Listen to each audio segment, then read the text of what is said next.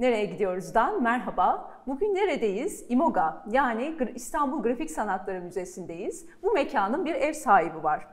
Türk resim sanatında yaptığı çalışmalarla ekol haline gelmiş Süleyman Sahip Tekcan. Size dönüyorum efendim. Nasılsınız? Teşekkürler. Çok iyiyim. Böyle özellikle de konu at olan bir konuşmanın, sohbetin içerisinde olduğum için de çok mutluyum. Evet ne güzel. Ee, ben tabii siz e, at dediniz zaten ama ben sebebi ziyaretimize gelelim diyecektim. ee, sebebi ziyaretimiz efendim sizin de buyurmuş olduğunuz gibi atlar. Ee, sizin tabii çok eskiye dayanıyor atlarla olan ilişkiniz. Hatta çocukluk döneminize dayanıyor. O evet. yüzden de özel bir tarafı var. Şöyle biraz değişik bir soruyla girelim mi? Yani atlar sizin neyiniz olur efendim diye. Şimdi Lale Sümbül diye bir hanımefendi var benim babaannem. Hmm, Bu güzel. at binen bir Çerkez kadını. Hmm. Bağ oradan geliyor.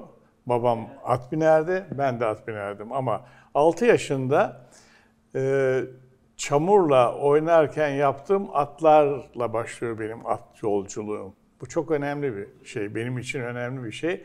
Çünkü at ile bir arada yaşamak, onunla bir arada olmak ve sonra da onu bir biçimde resmetmek veya heykelini yapmak benim için çok e, anlam taşıyordu. Bugün belki en büyük Türkiye'deki at heykelini de yapan kişi benim. Evet, şimdi tabii oraya geleceğiz. Ee, aslında kamuya açık bir yerde, Mecidiyeköy'de sergileniyor. Belki gidenler vardır, görmüşlerdir. Ee, örne tek örneklerinden biri sizin de az önce söylediğiniz evet. gibi. Hem boyut olarak evet. hem de zannediyorum malzeme ve şekil olarak en e, değişik örneklerinden biri değil Alüminyum mi? Döküm fakat gümüş gibi duruyor. Evet, herkes, parlak böyle yüzey. Herkes gümüş bir at heykeli, bu kadar boyutlu falan ne kadar e, yani devasa bir şeyi gördükleri zaman bayağı enteresan biçimde önünde gidip resim çektiriyorlar. Ve elden ele böyle telefondan telefona benim at koşuyor. evet koşuyor. Zaten sizin atlarınız e, belki e, Nagihan Hocam da görmüştü böyle bir hareketli değil mi? Süleyman hocamızın atları böyle yerinde durmuyor. Onlar kim bazı resimlerde dört nala gidiyor sanki. Bazı resimlerde soluklanıyor sanki. Ne dersiniz? Şimdi biliyorsunuz Nazım'ın meşhur dizelerinde dört nala gelip uzak Asya'dan bir kısrak başı gibi Akdeniz'e uzanan bu vatan bizim diyor. Anadolu'ya biz at sırtında geldik ve sonra at sırtında koca bir imparatorlukla dünyanın neredeyse yarısını kaplayacak boyutlarda bir devlet ve bir imparatorluk kurduk. Ama sadece biz kurmadık. At olmasaydı dünyada hiçbir imparatorluk kurulmayacaktı. Önemli bir yeri var. Ee, edebiyatta da önemli bir yeri var. Farklı coğrafyalar için de önemli bir değeri ve önemli bir yeri var. Ee, tabii Türk resmin, yani Türk sanatı için de e, e, söyleyebiliriz bunu. Pek çok sizin de ilham e, aldığınız, Avni Arbaşlar belki, daha öncesinde özellikle işte Bedri Rahmi Eyüboğlu, kendince yani at resim etmişler ve biraz savaşla aslında ilişkilendirmişler resimde. Şimdi sizin atlarınız biraz daha farklı. Biraz o at, sizin kendi at imgenizden bahsedelim mi? Şimdi Bedir Rahmi Eyüboğlu'nun atla ilgili en çok yaptığı şey kız kaçırma olayları. evet. Onun çok üzerinde durduğu konulardan bir tanesi. Avni Arbaş'ın da atları çok meşhur. O da çünkü bir Çerkes. Evet. Asıllı birisi. Çerkezlerde at çok önemli. Ayrıca Çerkezlerde at müzikleri de çok önemli. E, at üzerine yazılmış müzikler var dünyada. Bunu İspanyollar yazmış, Almanlar, Fransızlar. Birçok müzik var bununla ilgili. Hatta Cem Mansur Atname isimli bir projeyi benimle beraber Mercan Dede'yi de katarak yaptığı bir projeyi at ahırları Yıldız Sarayı'nda biz şey yaptık, organize ettik. O çok e, fevkalade ilgi gören bir projeydi. Bu demektir ki yani at insan yaşamında insan kadar önem taşıyan bir şey. İnsan gibi konuşulabilen, konuştuğunu anlatabilen ve onun konuştuğunu da biz anlayabileceğimiz bir boyut var. Yani insan gibi yaşamımızın içerisinde insanla insanın ilişkisi gibi insanla at ilişkisi de farklı olmayan bir boyutta bugüne kadar geldi. Bugün de attan biraz vazgeçtik. Arabalarımız var ama kaç beygir diye şey yapıyoruz. Evet yine değil mi? Burada da olarak. enerji ve de güç olarak görünen şey at. Peki Nagihan Hocam siz atla nasıl karşılaştınız? nasıl edebiyatta mı, sinemada mı, müzikte mi? Şimdi e, at insanlarla konuşan e, bir şey deyince oradan aklıma şey geliyor. Birkaç sene önce çok popüler bir dizi vardı Netflix'te. E, bir animasyon bir dizi BoJack Horseman diye. Şimdi enteresan bir dizi. E, bütün hayvanlar yani fable gibi değil de hayvanlar insanlar gibi davranıyor. İşte bir karakter kedi, bir karakter fare. Baş karakter isminden de anlaşılacağı üzere BoJack Horseman. Baş karakter ve bizim izleyici olarak e, duygu bağı kurduğumuz karakter ve bütün bizim bütün hüzünlerimizi, mutluluklarımızı e, onun üzerinde gördüğümüzde yatsımadığımız e, yani e, e işte e, internette de bakarsa görecektir e, seyirciler. E, her türlü duygumuzu yüklediğimiz hatta çok fazla duygusal işte annesinden ayrılmasıyla alakalı, babasından ayrılmasıyla alakalı falan hikayeleri e, bir ara çok popülerdi. O yüzden e, at hakikaten belki de ruh olarak insana en yakın. Mesela hani köpekleri de çok seviyoruz ama e, onların yeri farklı. Yani duygus yani beraber duygusal bir bağ kurma açısından atlar çok öne çıkıyor. Ee, şeyden, Belki soyları değil mi? Yani soy işte aynen o yani insanda aradığımız şeyler onda da arıyoruz. İşte nesep arıyoruz, güzellik arıyoruz, evet. işte bir dinamiklik arıyoruz. Ee, şeye gelince de e, hani savaşla normalde hani biz de Türkler olarak e, işte at sırtında geldik. Evet. E, ee, savaşla ilgili sadece tabii sadece Türkler için geçerli değil bu. Ee, gene hani sinemaya ve romana yansımış başka bir e, hali de bu e, daha sonra da tiyatro olarak halen daha bilmiyorum pandemiden dolayı durdu mu ama e, bu Savaş Atı diye bir film vardı. Sonra onun işte tiyatrosu da yapıldı. E, orada da e, işte atların e, savaşlarda insan yani insanlarla kadar ne kadar eziyet çektiği ve e, insanlara nasıl yardımcı olduğuna dair e, e, bir hikaye. İşte sizin heykeliniz kadar büyük olmasa bile Londra'da da e, yani işte bir sürü 2. Dünya Savaşı, 1. Dünya Savaşı ile alakalı böyle heykeller vardı işte kaybettiklerimiz diye. Bir tane de savaşta kaybettikleri atlar için bir at heykeli vardır mesela. Hmm. Yani insanları kaybetmek kadar insanlara hüzün veren bir şey at, at kaybı. Hmm. Tabii yani at deyince savaşan at değil, insan. Hmm. Öyle. Ama insan atı savaşta kullanıyor ve at olmasa da savaşlar geçtiğimiz dönemlerde özellikle savaşlar at olmadan da olmuyor. Şimdi e, atın başka bir şeyi daha var. Dünyadaki tüm yaratıklar içerisinde seksiyon doğru altın kesim dediğimiz estetik ölçüler içerisinde olan bir numaralı yaratık insan ve at. Bu iki tane yaratığın bütün dünyada gelmiş geçmiş bütün sanatçıların özellikle figür olarak düşündükleri ve kullandıkları resimlerdeki iki tane önemli şey biri at, biri insan. Evet. Onun belki de eş çok... tutulan evet, değil mi? Evet.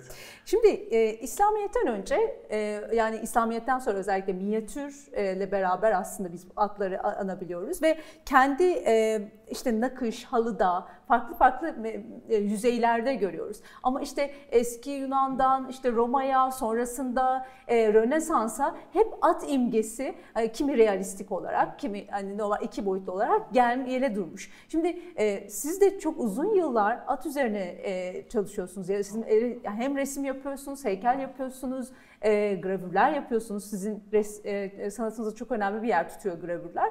E, at imgesi neye dönüşüyor sizce? Zaman at imgesi neye dönüştürüyor? Ve özellikle sizin resimlerinizde neye dönüşüyor? At imgesi bir defa benim yaşamım içerisinde ailem ne kadar varsa at da o kadar var.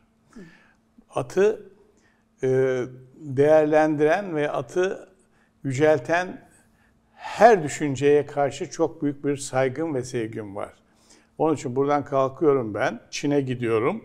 Çin İmparatoru kendi terakota heykelini yaptırıyor, komutanların heykellerini yaptırıyor. Ondan sonra askerlerin heykellerini yaptırıyor birebir boyutlarında ama bütün o ordunun mevcut olan sayısı kadar da at heykeli yaptırıyor. Bugün Çin'de böyle bir mezarlık var. Büyük bir müze var. Açık müze var ve siz orada atları o terakota ile yapılmış estetiği en güzel olan yaratığı orada görüyorsunuz. Ama bu yetmiyor tabii. Bu Avrupa'da da var, Amerika'da da var, Orta Asya'da da var. Hala Orta Asya'da biliyorsunuz at bakanlığı var. Çok önemli bir şey. Ee, at yani bizim yaşamımızda, insanın yaşamında günümüzde belki o kadar değil ama yine de günümüzde de çok önemli bir yer tutuyor. Onun şey, için ben atla beraber doğdum, atla beraber yaşıyorum. Atla birlikte de öleceğim. Gördüğünüz gibi atların içerisinde oturuyoruz. Siz terrakotalarınızı buraya koymuşsunuz şimdiden. Evet.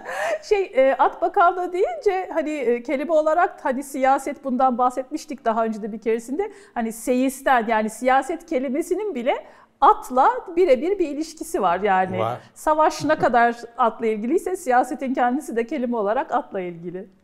Ve ayrıca da yani bizim çok önemli padişahlarımızdan bazıları kendini atla o kadar bütünleştirmişler ki at öldüğü zaman onun şeyini yapıyor, mezarını yapıyor ve insan mezarı kadar da önem verilen mezarlar yapılıyor yani. Bunlar hep tarihimizde var. Sizin e, atlar ve atlılar üzerine yapmış olduğunuz bir çalışma var. Orada Osmanlı e, motiflerine değer veriyorsunuz. Şimdi şöyle bir şey, e, bir gün akademide birlikte çalıştığımız çok değerli bir hattat hocamız Emin Barın bir tuğra getirdi bana ve bu tuğrayı dedi sana getirdim dedi. Ben e, Osmanlıca bilmiyorum hocam ne yazıyor burada dedim. Burada Süleyman Saim Tekcan yazıyor. Nereden çıktı bu dedi. Dedi Trabzon'da dedi iki tane önemli Süleyman doğdu dedi. Biri Kanuni Sultan Süleyman, birisi de Süleyman Saim Tekcan. çok güzel. Onun ikisinin de tuğrası olması lazım. Ya çok güzel. Ve o tuğrayı ben sonra tesibini yaptırdım. Şimdi duvarımda asılı. Belki onu çekecekler arkadaşlarımız da. O tuğra bana bir kitap yaptırdı. İki sene üzerinde çalıştığım gravürlerle oluşan şey ama tuğra biliyorsunuz ben Osmanlıca kaligrafiyi dünyadaki modern sanatın şaheseri olarak görüyorum. Oradaki Tuğra ile birlikte atı ve Osmanlı kaligrafisindeki estetiği buluşturacak bir projeydi. Benim yaptığım proje Atname e, projesinin ismi de Atname'ydi. Evet, burada da e, evet. arkadaşlarımız da gösterelim. Bu, e, bu çok güzel bir kitap. Bu, ee, bunun içerisinde de yer alıyor. Tabii bu e, bayağı ciddi bir biçimde gravürlerden oluşan ve o gravürlerde en çok e, o Osmanlı'da da yani Osmanlı'nın mevcut olduğu ülkelerde de satıyor ama İspanya'da özellikle hmm. Granada bölgesinde bir galeride en çok gravürler orada satıldı. Çünkü orası da biliyorsunuz bir İslam dünyası, İslam yapısı onda bir yer. Böylece bir kitap var. O kitabı zaten çekersiniz tahmin ediyorum. Onu da e, izleyicilerimiz görürse güzel olur. Evet. Peki bu e, bahsettiğiniz o e, aslında bir e, geçmişi bu, bu güne taşıyan bir e, vazife de var içinde. Yani siz bir araştırma yaparken bu at olabilir, az önce söylediğiniz e, Osmanlı hat sanatı olabilir. Burada nasıl bir e, zihniniz bunu nasıl bu verileri topluyor? Yani edebiyattan ilham alıyor musunuz? Aynı zamanda işte o bahsettiğimiz hat sanatı olsun. Bunları bir araya getirirken aslında sizin e, nasıl Bizim bir düşüncelerimiz bütün insanların yani yaşadığımız topraklardaki tüm insanlar yaşadıkları ülkenin kültürleri üzerinde düşünürler. O kültürle düşünürler. E, bizim kültürümüz içerisinde de e, minyatür var. Ayrıca o, bizim Osmanlı'dan kalan Türkiye Cumhuriyeti'nin toprakları Anadolu uygarlıkları içerisinde katman katman farklı uygarlıklar var. Bütün bunlar bizim kendi kültürlerimizin bize sanatta altyapı oluşturmamızda yararlı olabilecek şeyler. Sadece ben değil, Türkiye'de birçok sanatçı var ki bunun farkında. Özellikle bizim atölyemize gelip çalışan birçok sanatçıyla konuştuğumuz konu buydu. Türk sanatçısı nereden beslenmelidir diye. Hı hı. O beslenme dediğiniz zaman Anadolu uygarlıkları ve İslam sanatı da bizim ister istemez e, ilgi alanlarımız içerisinde oldu. O dönem içerisinde Nurullah Berkler, e, Burhan Doğançaylar, Bedir Rahmi Eyüboğulları, Elif Naciler hepsi bu konuyu ciddi biçimde tartışıp ve bizim resmimize hangi biçimde tesir edeceğini bu kültürlerin Ve o resmimiz bize ait resim nasıl olacağını düşündük ve konuştuk, tartıştık. Ben zaten resim deyince, sanatçı deyince özellikle sanatçı kendi olan kişi diyorum. Evet, bunu bir röportajınızda da duymuştum. Orada aklıma şey geldi, şimdi, sanatçı kendi olan kişi tam olarak ne demek aslında? Şimdi sanatçı dediğimiz kişi Beethoven var, Mozart var, Dede Efendi var. Bunlar sanatçı. Ama milyon tane insan Beethoven çalıyor, milyon tane insan Mozart çalıyor, yine milyon tane insan da Dede Efendi çalıyor. Onlar icracı. Sanatçı dediğimiz şey e, kendi olan şeydir. Yani birilerinin yaptığı resimden benzer resim yapan kişiye ben sanatçı demiyorum, ona icracı diyorum. Ama kendi bakıldığı zaman bir resme sanatçı bu resim işte şu sanatçınındır, Süleyman Saim tek candır diyorlarsa Süleyman Saim sanatçıdır. O bakıldığı zaman, anlaşıldığı zaman Aslında ben mutluluk duyuyorum. Aslında bir parmak izi koyuyor değil mi? Yani, parmak izi evet. var orada, kendi kimliği var, kendi kişiliği var. Atlarda kendine has bir çizgi, üslubu var. Onun için ben e, sanatçıyı tarif ederken sanatçı kendi olan kişidir diyorum.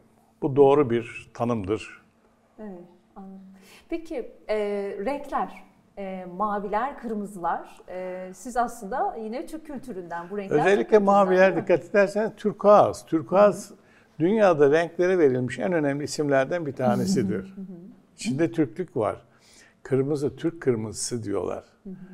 Bu da çok önemli bir şey. Benim atlarımda kullandığım, en çok kullandığım renkler bunlar.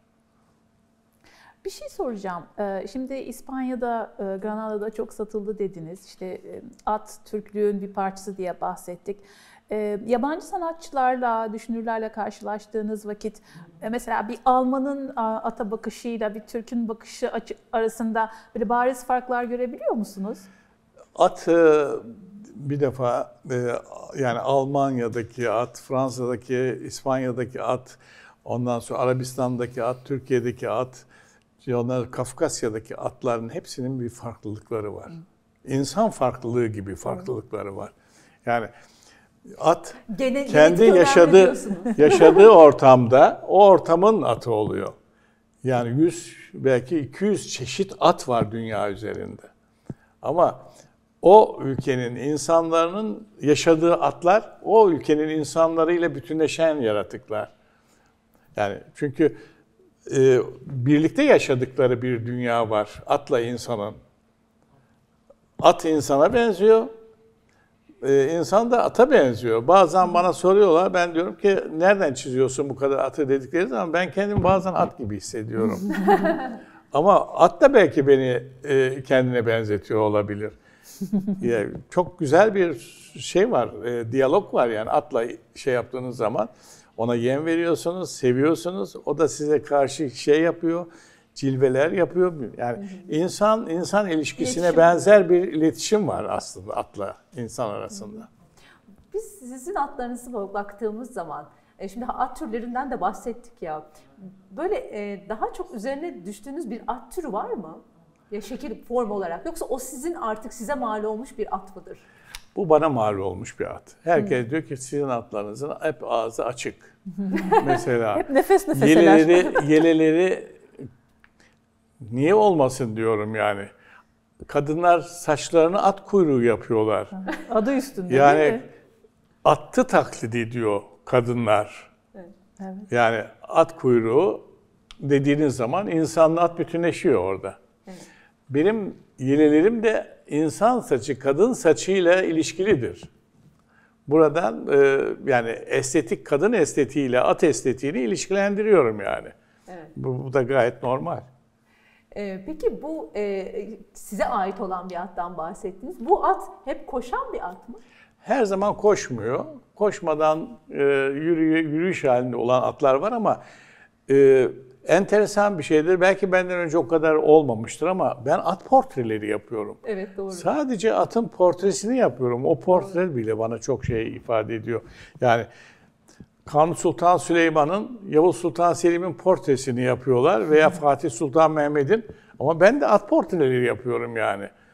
Yani o benim için Ata çok iltifat. değerli bir yaratık. Evet, Tabii ata iltifat. karşı bir iltifat Yani yüzlerce at portresi yapıyorum.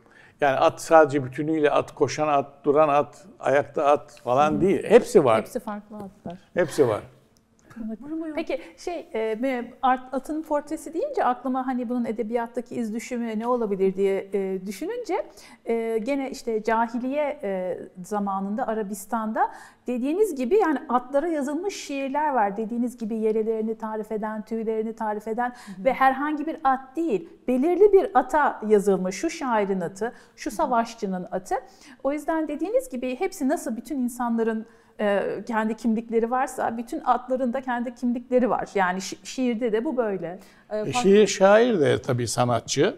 Sanatçı dediğimiz kişi yaşadıklarını bir biçimde anlatan kişi. Bunu sanatçı, ressam çizgiyle anlatıyor, renkle anlatıyor. E, şair sözcükle anlatıyor, müzisyen de sesle anlatıyor.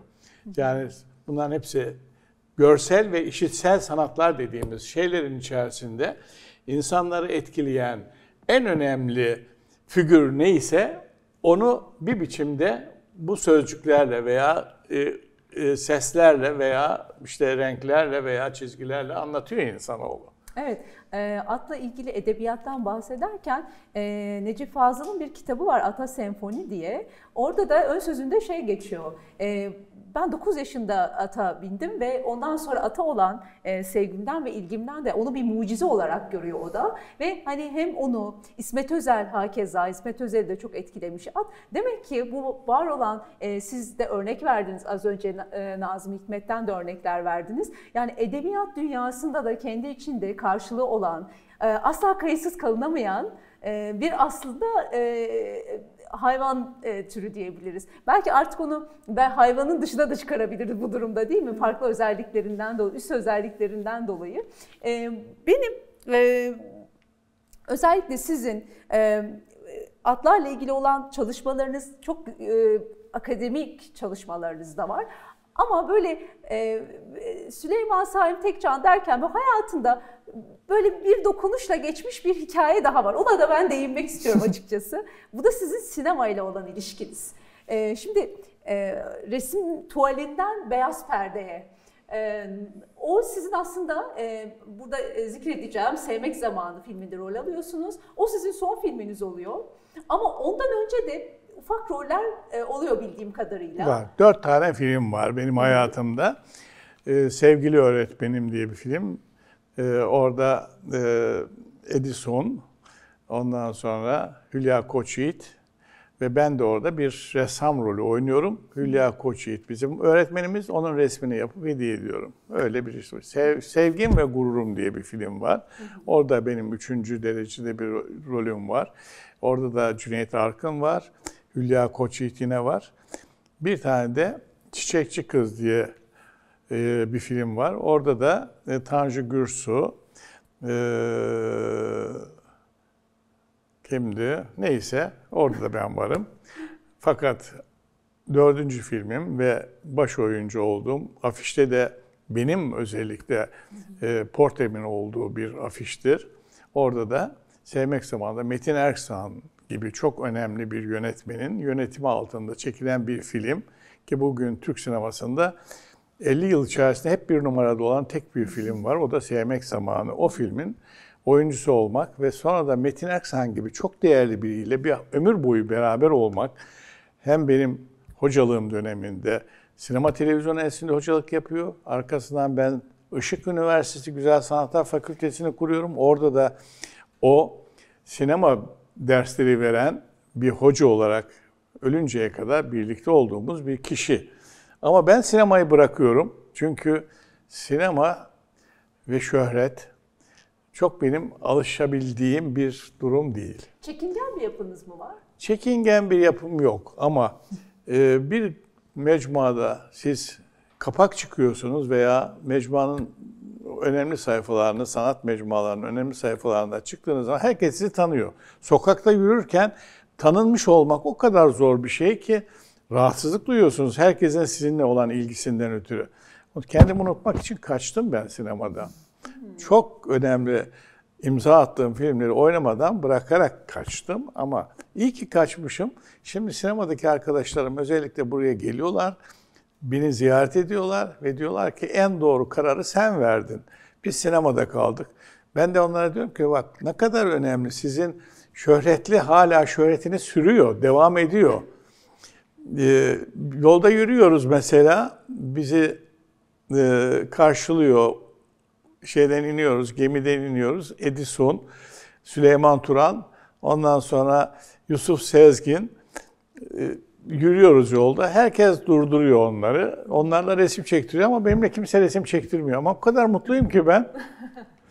Onun için şöhret başka bir şey. Ama o zaman burada atlar çok uydu. Bir hani çünkü atların bir de kaçışı temsil edişi vardır ya. Siz atlarla beraber sinemadan kaçmışsınız ata atlayıp.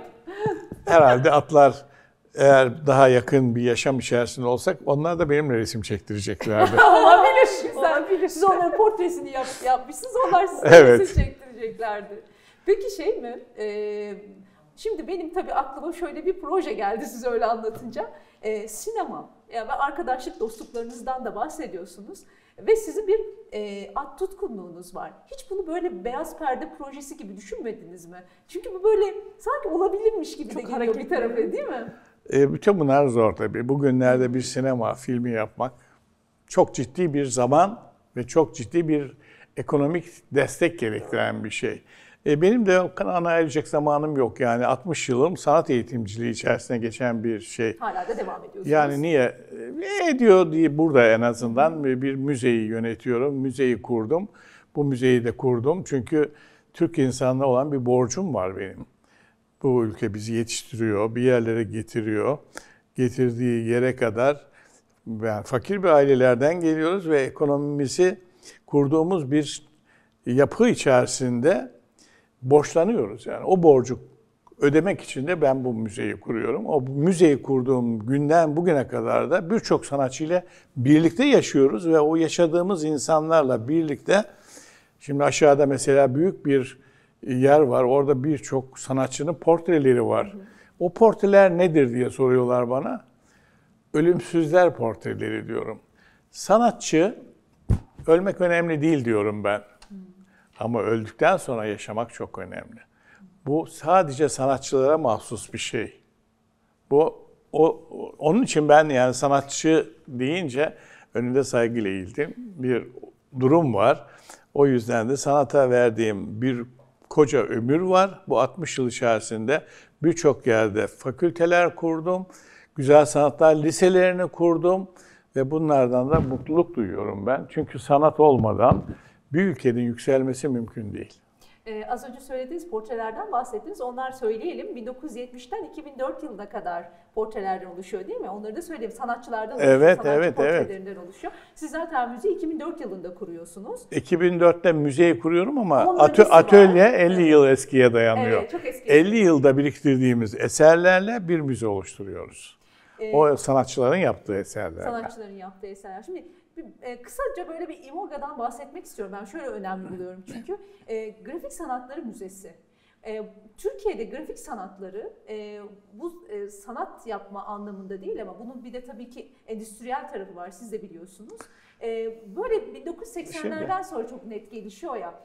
Bu, bunu nereye koyarsınız? Şimdi sanatçı kendini ifade etmek için kullandığı aracı teknikler var. Yağlı boyayı kullanabiliyor, sulu boyayı kullanabiliyor ama bütün dünyada sanatçıların birçoğu da baskı resim dediğimiz resimle kendini ifade ediyor.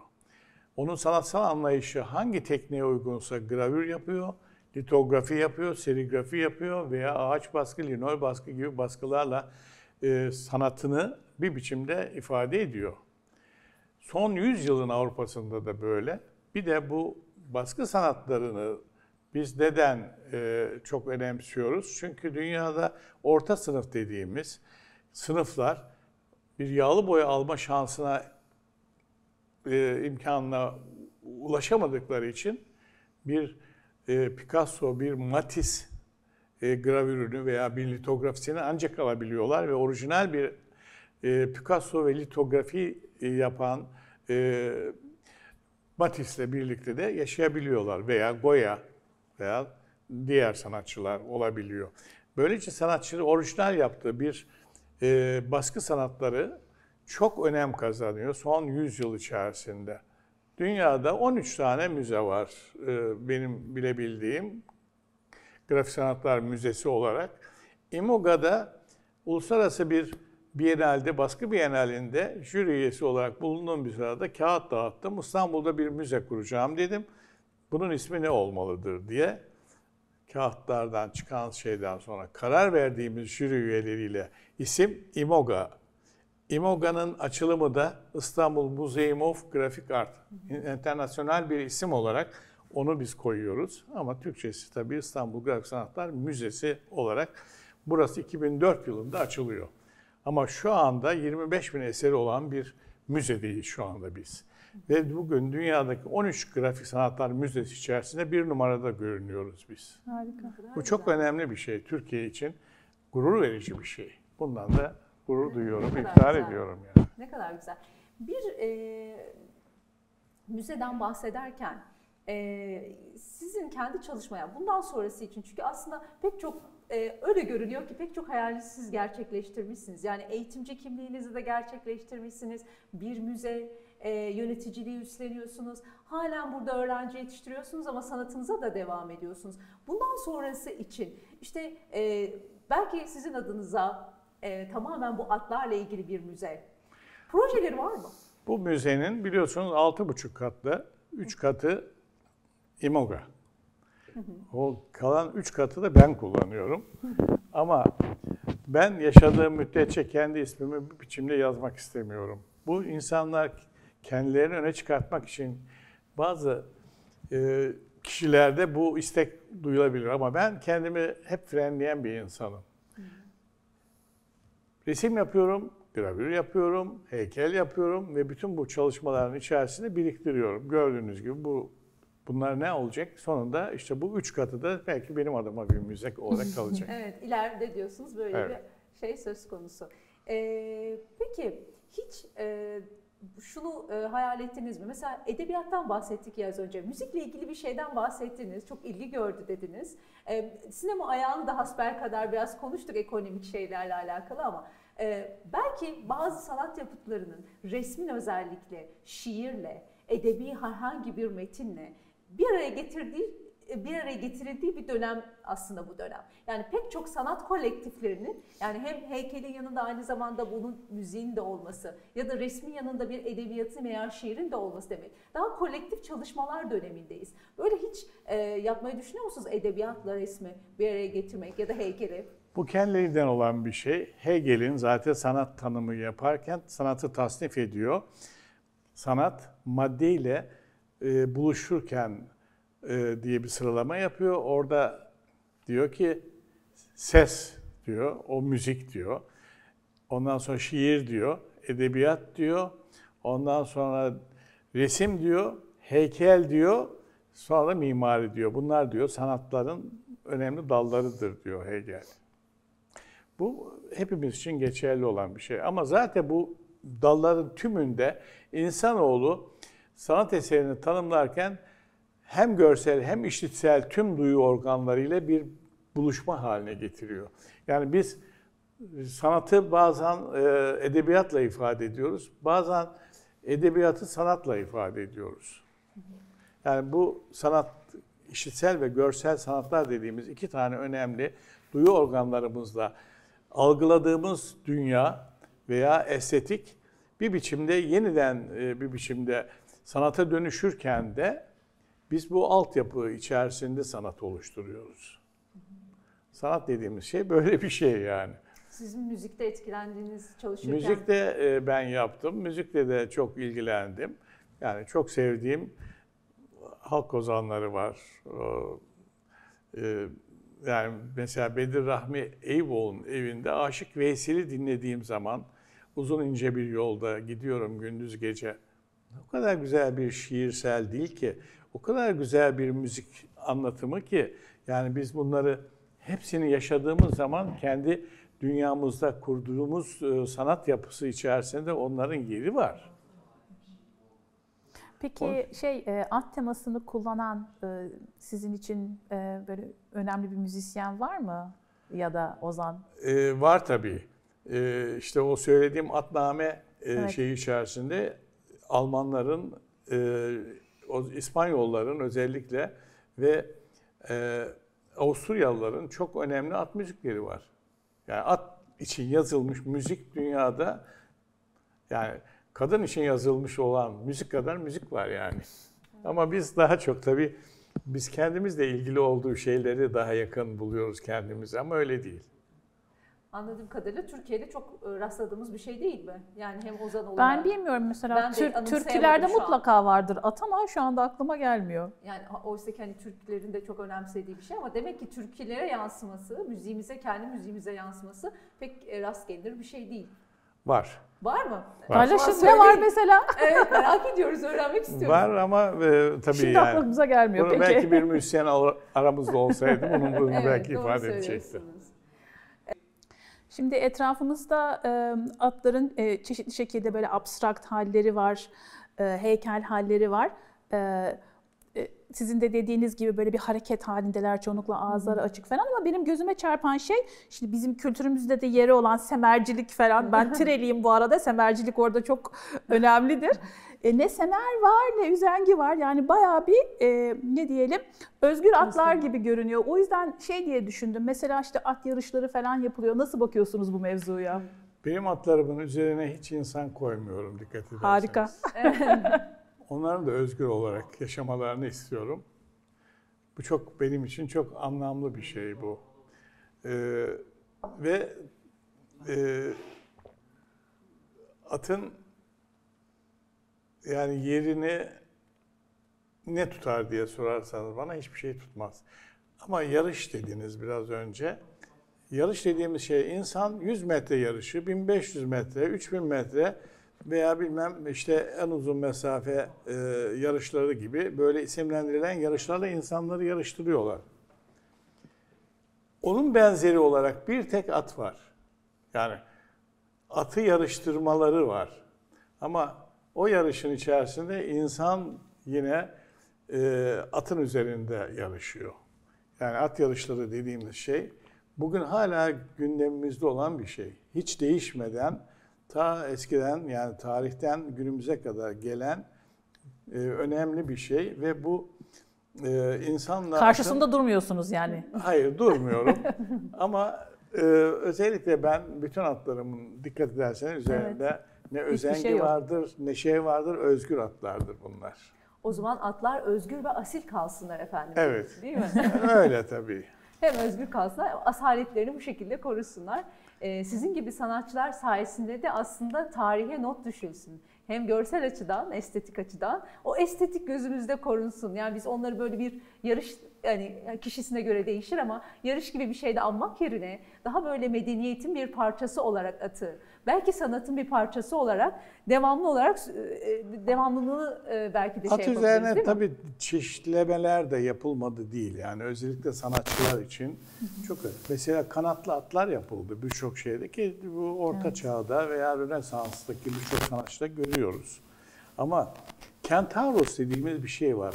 Vücut at, baş insan. Bu ne demek? İnsan ve atın birleştiği yani ya, aynı şey olduğu anlamına geliyor.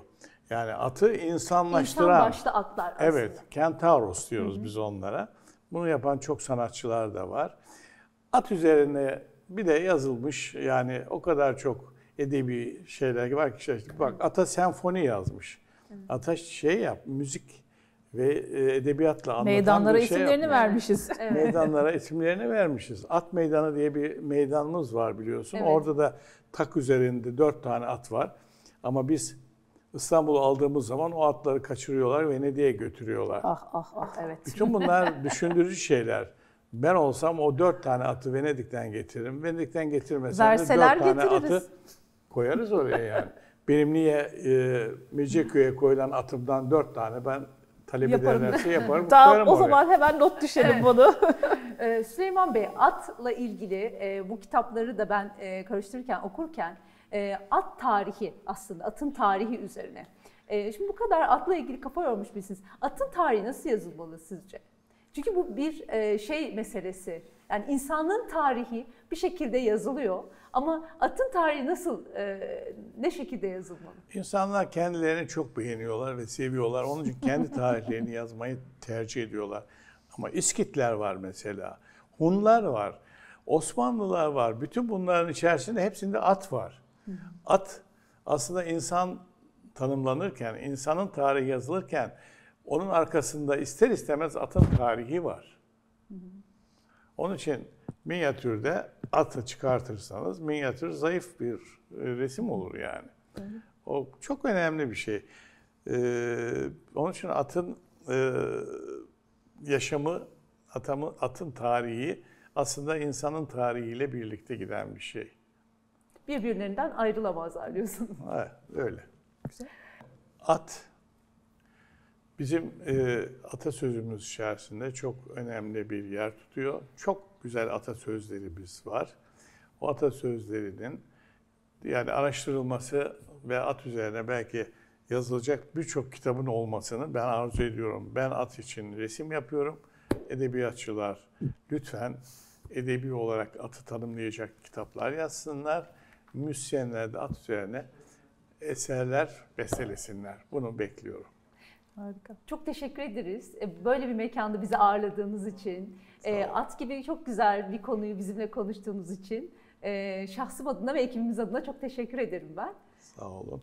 Ben teşekkür ederim. Çünkü e, belki at üzerine yapılmış en güzel programı sizinle böyle bir konuşma güzel. şansı. Ne kadar mutlu Harika. tamam teşekkür ederiz. Çok sağ olun.